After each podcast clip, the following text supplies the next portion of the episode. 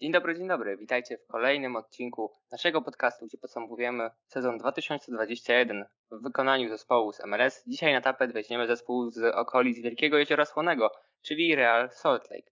Moim i waszym gościem będzie dzisiaj Bartosz Kiernicki. Dobry wieczór, bądź dzień dobry. Zależy, gdy nas słuchacie i kiedy nas słuchacie.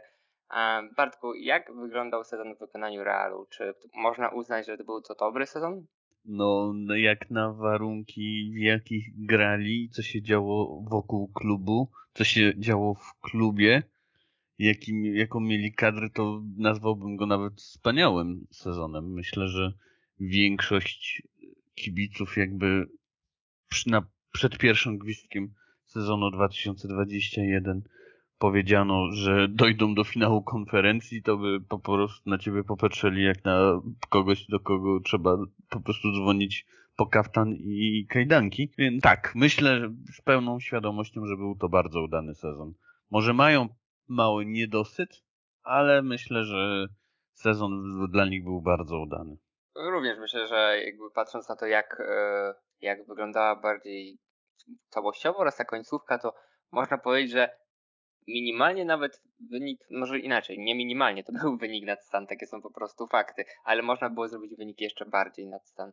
E, kto według Ciebie, Bartku, w tym sezonie był architektem w sukcesu w Real Salt I zakładam, że znam tą odpowiedź, mimo, mimo że zapytałem, bo zakładam, że będzie chodziło o Damira Krejlacha, którego osobiście uwielbiam, ale, ale dam Ci się wykazać. Był to pewien Chorwat o imieniu Damir. Na pewno nie Krejlach. Inny Chorwat. Ile oni mają tych tam Chorwatów? Jednego. Dobrze. Nie, tak, zdecydowanie był to najlepszy y, sezon w ogóle Damira, odkąd kopie w piłkę. Y, zdobył 16 goli, 8 razy asystował. To chyba drugi raz w historii, jak w ogóle on gra, że zdobył łącznie ponad 20, ponad 20 razy miał czynny udział przy golu. To by było albo pierwszy, albo drugi raz w jego w ogóle całej karierze. No to też był specyficzny sezon, można powiedzieć, bo były sytuacje, gdzie Damir był wystawiony na, może tak, jak najwyżej z tym, bo na szpicy to złe wyrażenie, ale były mecze, gdzie Krajlach był jakby najwyżej ustawionym zawodnikiem ofensywnym najbardziej ofensywnym pomocnikiem, który udawał napastnika, ale był tak naprawdę pomocnikiem. Ale też strzelał gole, jak widać po statystykach. Czyli tak? do, dobrze się chował. Tak, bardzo dobrze. Co jest dość trudne na tak wysokiego e, ziomeczka. E, co mogę powiedzieć? No, bardzo dobrze grał. No, czemu wychodził jako napastnik? No, bo jego były kolega, znaczy obecny kolega też, z Union Bobby Wood no po prostu troszkę nie odpalił, ale o nim będziemy jeszcze rozmawiać i myślę, że dlatego został. No bo tam nie ma zbytnio napastników z przodu, a jak są to tacy, których byś nie chciał wystawiać jako podstawową dziewiątkę. O, tak bym to subtelnie określił. Co, skoro Damirowi szło, był w gazie, to też nie, trzeba przyznać po prostu, że trenerowi, mm, że to po prostu jakby Nerom? się broniło. to się po prostu broniło, bo skoro Damir był w gazie, to mógł go wystawić na dziewiątce, gdzie sobie świetnie radził, a mógł też dołożyć kolejnego pomocnika, którego teoretycznie e, w swojej formie mógłby blokować e, e, z, z pierwszego składu. Dobrze, skoro mamy, że tak powiem, największą gwiazdę i równocześnie najlepszego strzelca odhaczonego, to możesz mi powiedzieć o tym, kto według Ciebie najbardziej pozytywnie zaskoczył, jeżeli chodzi o młodych graczy w Realu Salt Lake zaskoczył, nie zaskoczył, ale najlepszym y, y, graczem to chyba był, y, znaczy chyba, na pewno był Dawid Ochoa, tak czysto piłkarsko, bo jego bycie takim bad boyem i takim wrogiem publicznym przeciwko kibicom innych drużyn, to zostawmy na inną rozmowę. Tak samo jego wybory reprezentacji, że po czterech albo po pięciu, po czterech latach odszedł z reprezentacji USA i przeszedł do Meksyku. Te rzeczy zostawmy, nie krytykujmy go, ale e, jeśli chodzi o taką czysto formę piłkarską, to tak, był bardzo dobrym bramkarzem. Jednym z, e, z takich podstawowych ogniw tego sukcesu. Jakby Dawid Ochoa jest taką postacią, gdybyście przypadkiem nie wiedzieli, no to drodzy słuchacze. O takich piłkarzach mówi się, że gdy masz ich w zespole, to się ich kocha, ale gdy są przeciwko tobie, to ich nienawidzisz. No i w pełni można tak powiedzieć o Dawidzie Ochoi, mimo że, mimo że gra na bramce. Zwykle, większość, zwykle, takich, e, zwykle takich określeń używało się do jakichś środkowych pomocników, tak. defensywnych, ale tutaj w przypadku on, mimo bramkarza... On, on jest taki jak nasz polski piłkarz młodego pokolenia, tylko ten fajtuje na Twitterze i Facebooku, a ten to przenosi powiedzmy na boisko i interakcje z trybunami, tak bym to określił delikatnie. Będziemy podawać nazwisk, każdy z was się domyśla o kogo chodzi. No i tyle. W każdym razie według nas e, Dawid Ochoa w najbliższym czasie wyląduje w Europie, mamy taką nadzieję to mu pewnie troszkę jakby utemperuje jego zachowanie. Jeżeli nie, no to będzie bardzo ciekawa postać w Europie, także się przeniesie. I będzie oczywiście wielki talent. Na pewno kolorową. Dobrze, ale żeby nie było zbyt kolorowo, drogi Bartku, musisz mi powiedzieć, zresztą już wspomniałeś o tym, e, ale, ale formalnie, żeby w formalności stało się dodać, kto był największym rozczarowaniem w tym sezonie i dlaczego to był Bobby Wood, a Bobby Drewno? No, wystawiłeś mu już laurkę. No, Bobby jeszcze nie odpalił. Znaczy ja dalej wierzę, że on w drugim sezonie odpali. On dalej jest młody, on jeszcze nie ma 30. Ja myślę, że on w kolejnym sezonie będzie grał lepiej. Ale no, ten sezon był niestety fakcjonujący. Poza tym golem y, w playoffach y, tam w 94 albo 6 minucie przeciwko Kansas City u nich w domu dał awans y, Salt Lake'owi do finału konferencji, no to poza tym to tak, no, no bez szału bym powiedział. A tak dru... średnio byś powiedział. Tak. No, tak, tak, tak, to zdecydowanie. A drugim rozczarowaniem, które bym wymienił, to był Jonathan Mendes, Tyńczyk skrzydłowy, bodajże lewy. On robił całkiem fajne liczby. W Superlidze to jest mm, ekstraklasa argentyńska, no ale w MLS-ie, w MLS to nie przeszło po prostu. Te, te sukcesy, które powiedzmy w cudzysłowie odnosił w Argentynie, nie przeniósł na ziemię amerykańską i tutaj dość słabo. Znaczy, to też jest piłkarz, którego myślę, że on odpali, tak? Bo no, ma tam trochę pokładów piłkarskich, potencjału piłkarskiego jeszcze w sobie, 20 bodajże 6 lat albo 7 takie mikroskopijne, e, skrzydłowe, tam metr 60, coś w tym stylu, metr 65, w tym przedziale bym powiedział. E, no co? A tak to chyba nie mam się już do kogoś do, doczepić. Poza, no poza trenerem ich no, pierwszym. Trenera już widzę, że już ty to chyba masz sobie rozpisaną całą listę. Do kogo mogę się doczepić? No nie wiem, no i wy, wy, wykreślasz sobie. Piłkarz jest, kolejny piłkarz jest, trener jest, sztab za chwilę będzie. Przygotowałem się dzisiaj. Ja wierzę, że każdy z nas jest przygotowany bardzo. Ale wiesz, czas antynowy jest limitowany. Do trenera możemy sobie jeszcze przejść jak najbardziej, gdy będziemy omawiać końcówkę sezonu, bo dosyć w sumie niespodziewanie, spodziewanie, trudno mi to trochę określić. RSL tuż przed y, playoffami wyrzucili sobie z nich Lexi od tak w, ostatnich meczu, w ostatnim meczu sezonu zasadniczego. W ostatniej minucie meczu sezonu zasadniczego. Ja nie wiem, czy, czy nie było tak, że e, mecz w Minnesocie się skończył i wtedy szczelił Krejlach. No już tego mi trudno powiedzieć ale jest to możliwe, bo te mecze były rozgrywane w tym samym czasie, a Krejlach strzelił chyba w 95 minucie. To już mi zawodzi pamięć, ale wydaje mi się, że tak właśnie było. No trzeba przyznać, że emocje do samego końca mamy w MLS i jak widać Decision Day nie bez powodu jest reklamowany jako jeden z najbardziej emocjonujących dni w Major League Soccer, co właśnie było ukazane chociażby w tym sezonie oraz w wielu poprzednich. Dobrze, teraz przejdźmy do ważniejszej części sezonu, no w sumie najważniejszej części sezonu dla zdecydowanej większości klubów w Major League Soccer, no chyba, że jest jeszcze Chicago Fire i się nie dostaje do playoffów, ale to kiedy indziej. Jak było w tych playoffach? Jak było w tych playoffach? No, myślę, że to był piękny sen kibiców e, z Salt Lake, z Utah. I to, to było wręcz absurdalne. Na pierwszym, w pierwszym spotkaniu spotkali się Seattle Sanders z zespołem absurdalnie mocnym, który gdyby nie po prostu granie przeciwko sobie w ostatnich spotkaniach byłby mistrzem konferencji. No i co, no przez 120 minut, przez dwie godziny meczowe po prostu Seattle atakowało, atakowało, atakowało. Salt Lake się bronił, bronił, bronił i to tak wyglądało.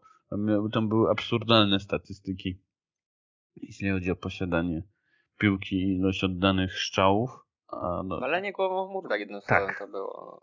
To naprawdę, jeżeli oglądaliście ten mecz, to wiecie o czym mówimy. A jeżeli nie oglądaliście, to naprawdę to był mecz jednej drużyny. Real Salt Lake przez 120 minut nie istniał.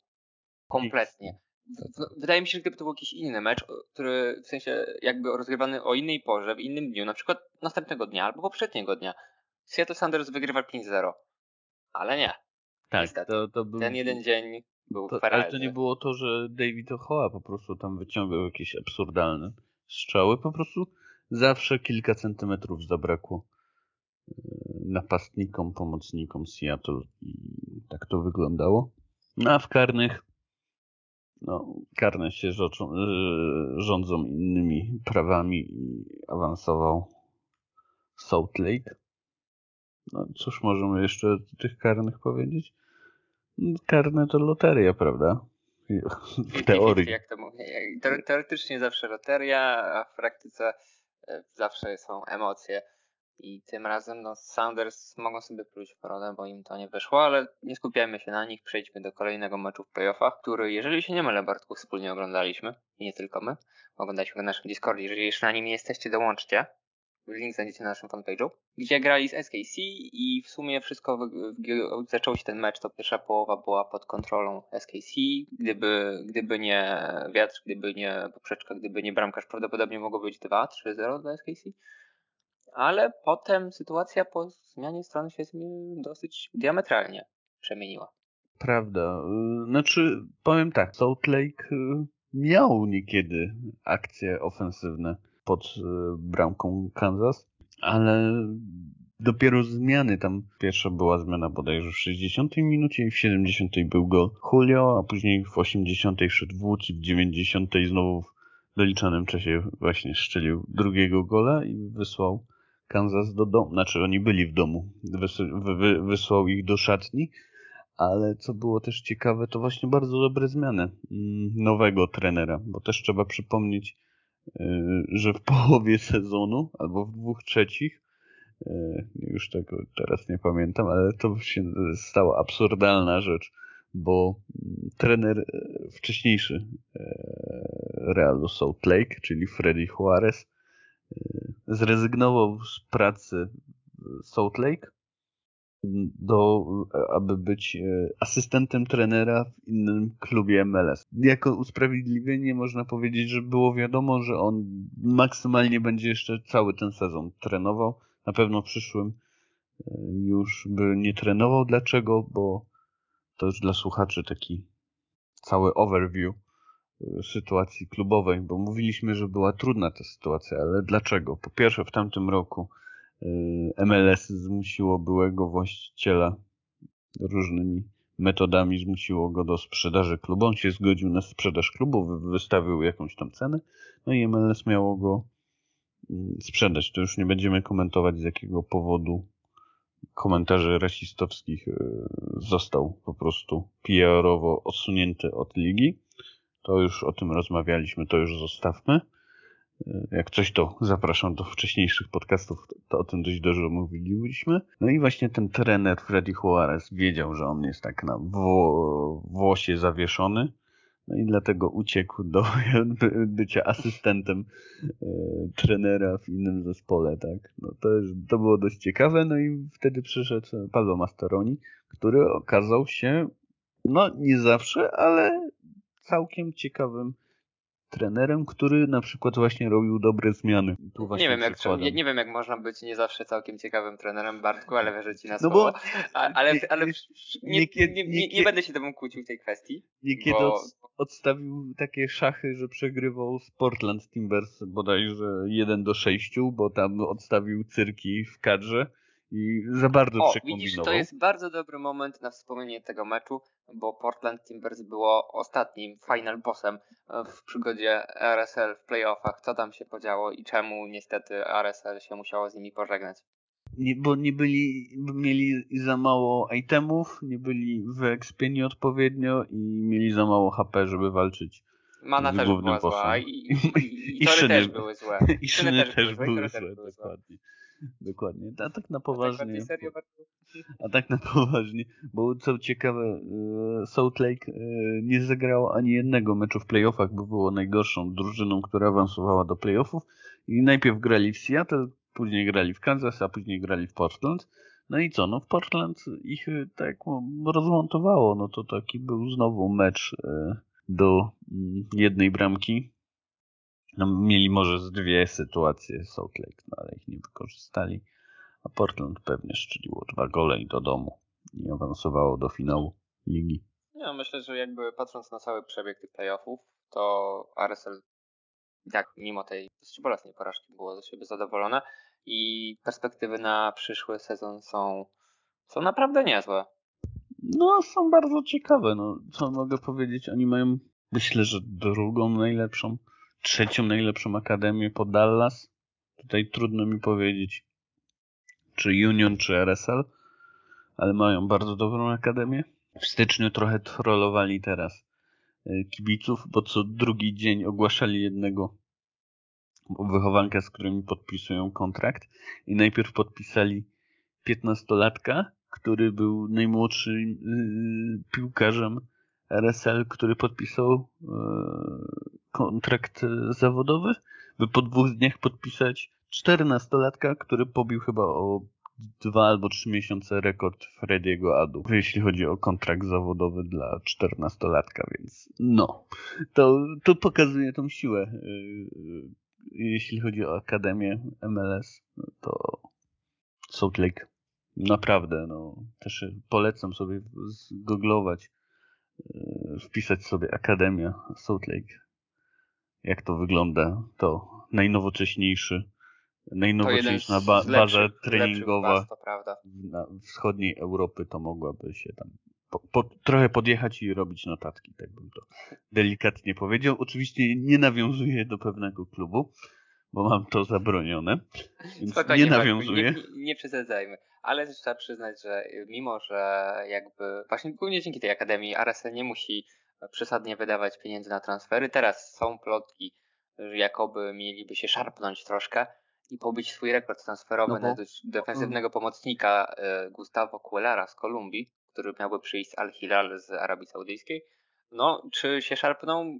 No zakładam, że tak, skoro są już takie plotki, nawet Fabrizio Romano podawał to na Twitterze. Pytanie brzmi, czy jest to dobry wybór, bo to defensywny pomoc? Troszkę tak. Znaczy, dobrze jest, jeśli w ogóle będą inwestować, tak? Po pierwsze, troszkę mnie boli, że nie wszyscy kibice oczekiwali skrzydłowego. Dlaczego? No i napastnika. Napastnika to już omówiliśmy, bo tam napastników na miarę MLS no nie ma. No może Bobby Wood będzie. Ja dalej w to wierzę. Hawaii Strong, ale poza tym no bieda z piszczy z nędzą przetykana, ale y, o co mi chodzi? Y, kibice y, Salt Lake na pewno oczekiwali tego, że pierwszym takim wielkim zakupem będzie skrzydłowy. Dlaczego? No bo Rusnak nie podpisał nowego kontraktu i uciekł do Seattle Sanders gdzie został DP, a to był ich kapitan. Więc gratuluję Daniemu opaski, a nie Damirowi Krejlichowi. Brawowy. Teraz już pewnie ją dostanie. No, d, d, to może Bobby Wood. Będzie z ławki nosił tą opaskę. Ale uważam, po, po, że tak, że, że, że to, że Rusnak uciekł jest bardzo, bardzo, bardzo złym ruchem Araceli i to jest wręcz niesamowite. Ich kibice byli wściekli, nikt nie ma prawa im się tego dziwić. No, może jak zaczną robić większe zakupy, ten, ten właśnie defensywny pomocnik jest dobrym zwiastunem tego, to, to może im troszkę wybaczą, ale pozwolenie uciec takiemu zawodnikowi, uciec jeszcze w cudzysłowie, takiemu zawodnikowi, jakim jest Rusnak, to zakrawa pod zbrodnię przeciwko, przeciwko własnemu klubowi. Dobrze, Bartku. No to podsumowując nasze dzisiejsze wywody, jak myślisz, czy RSL polepszy swój run w playoffach w przyszłym sezonie, czy jednak będzie playoffy i być może coś lepiej? Tak, moim zdaniem będą playoffy, może finał konferencji, wszystko zależy od tego, jak nowy właściciel sypnie pieniędzmi, a on jest dość bogaty, bo jest współwłaścicielem Crystal Palace, Augsburga, Philadelphia 76, New Jersey Devils.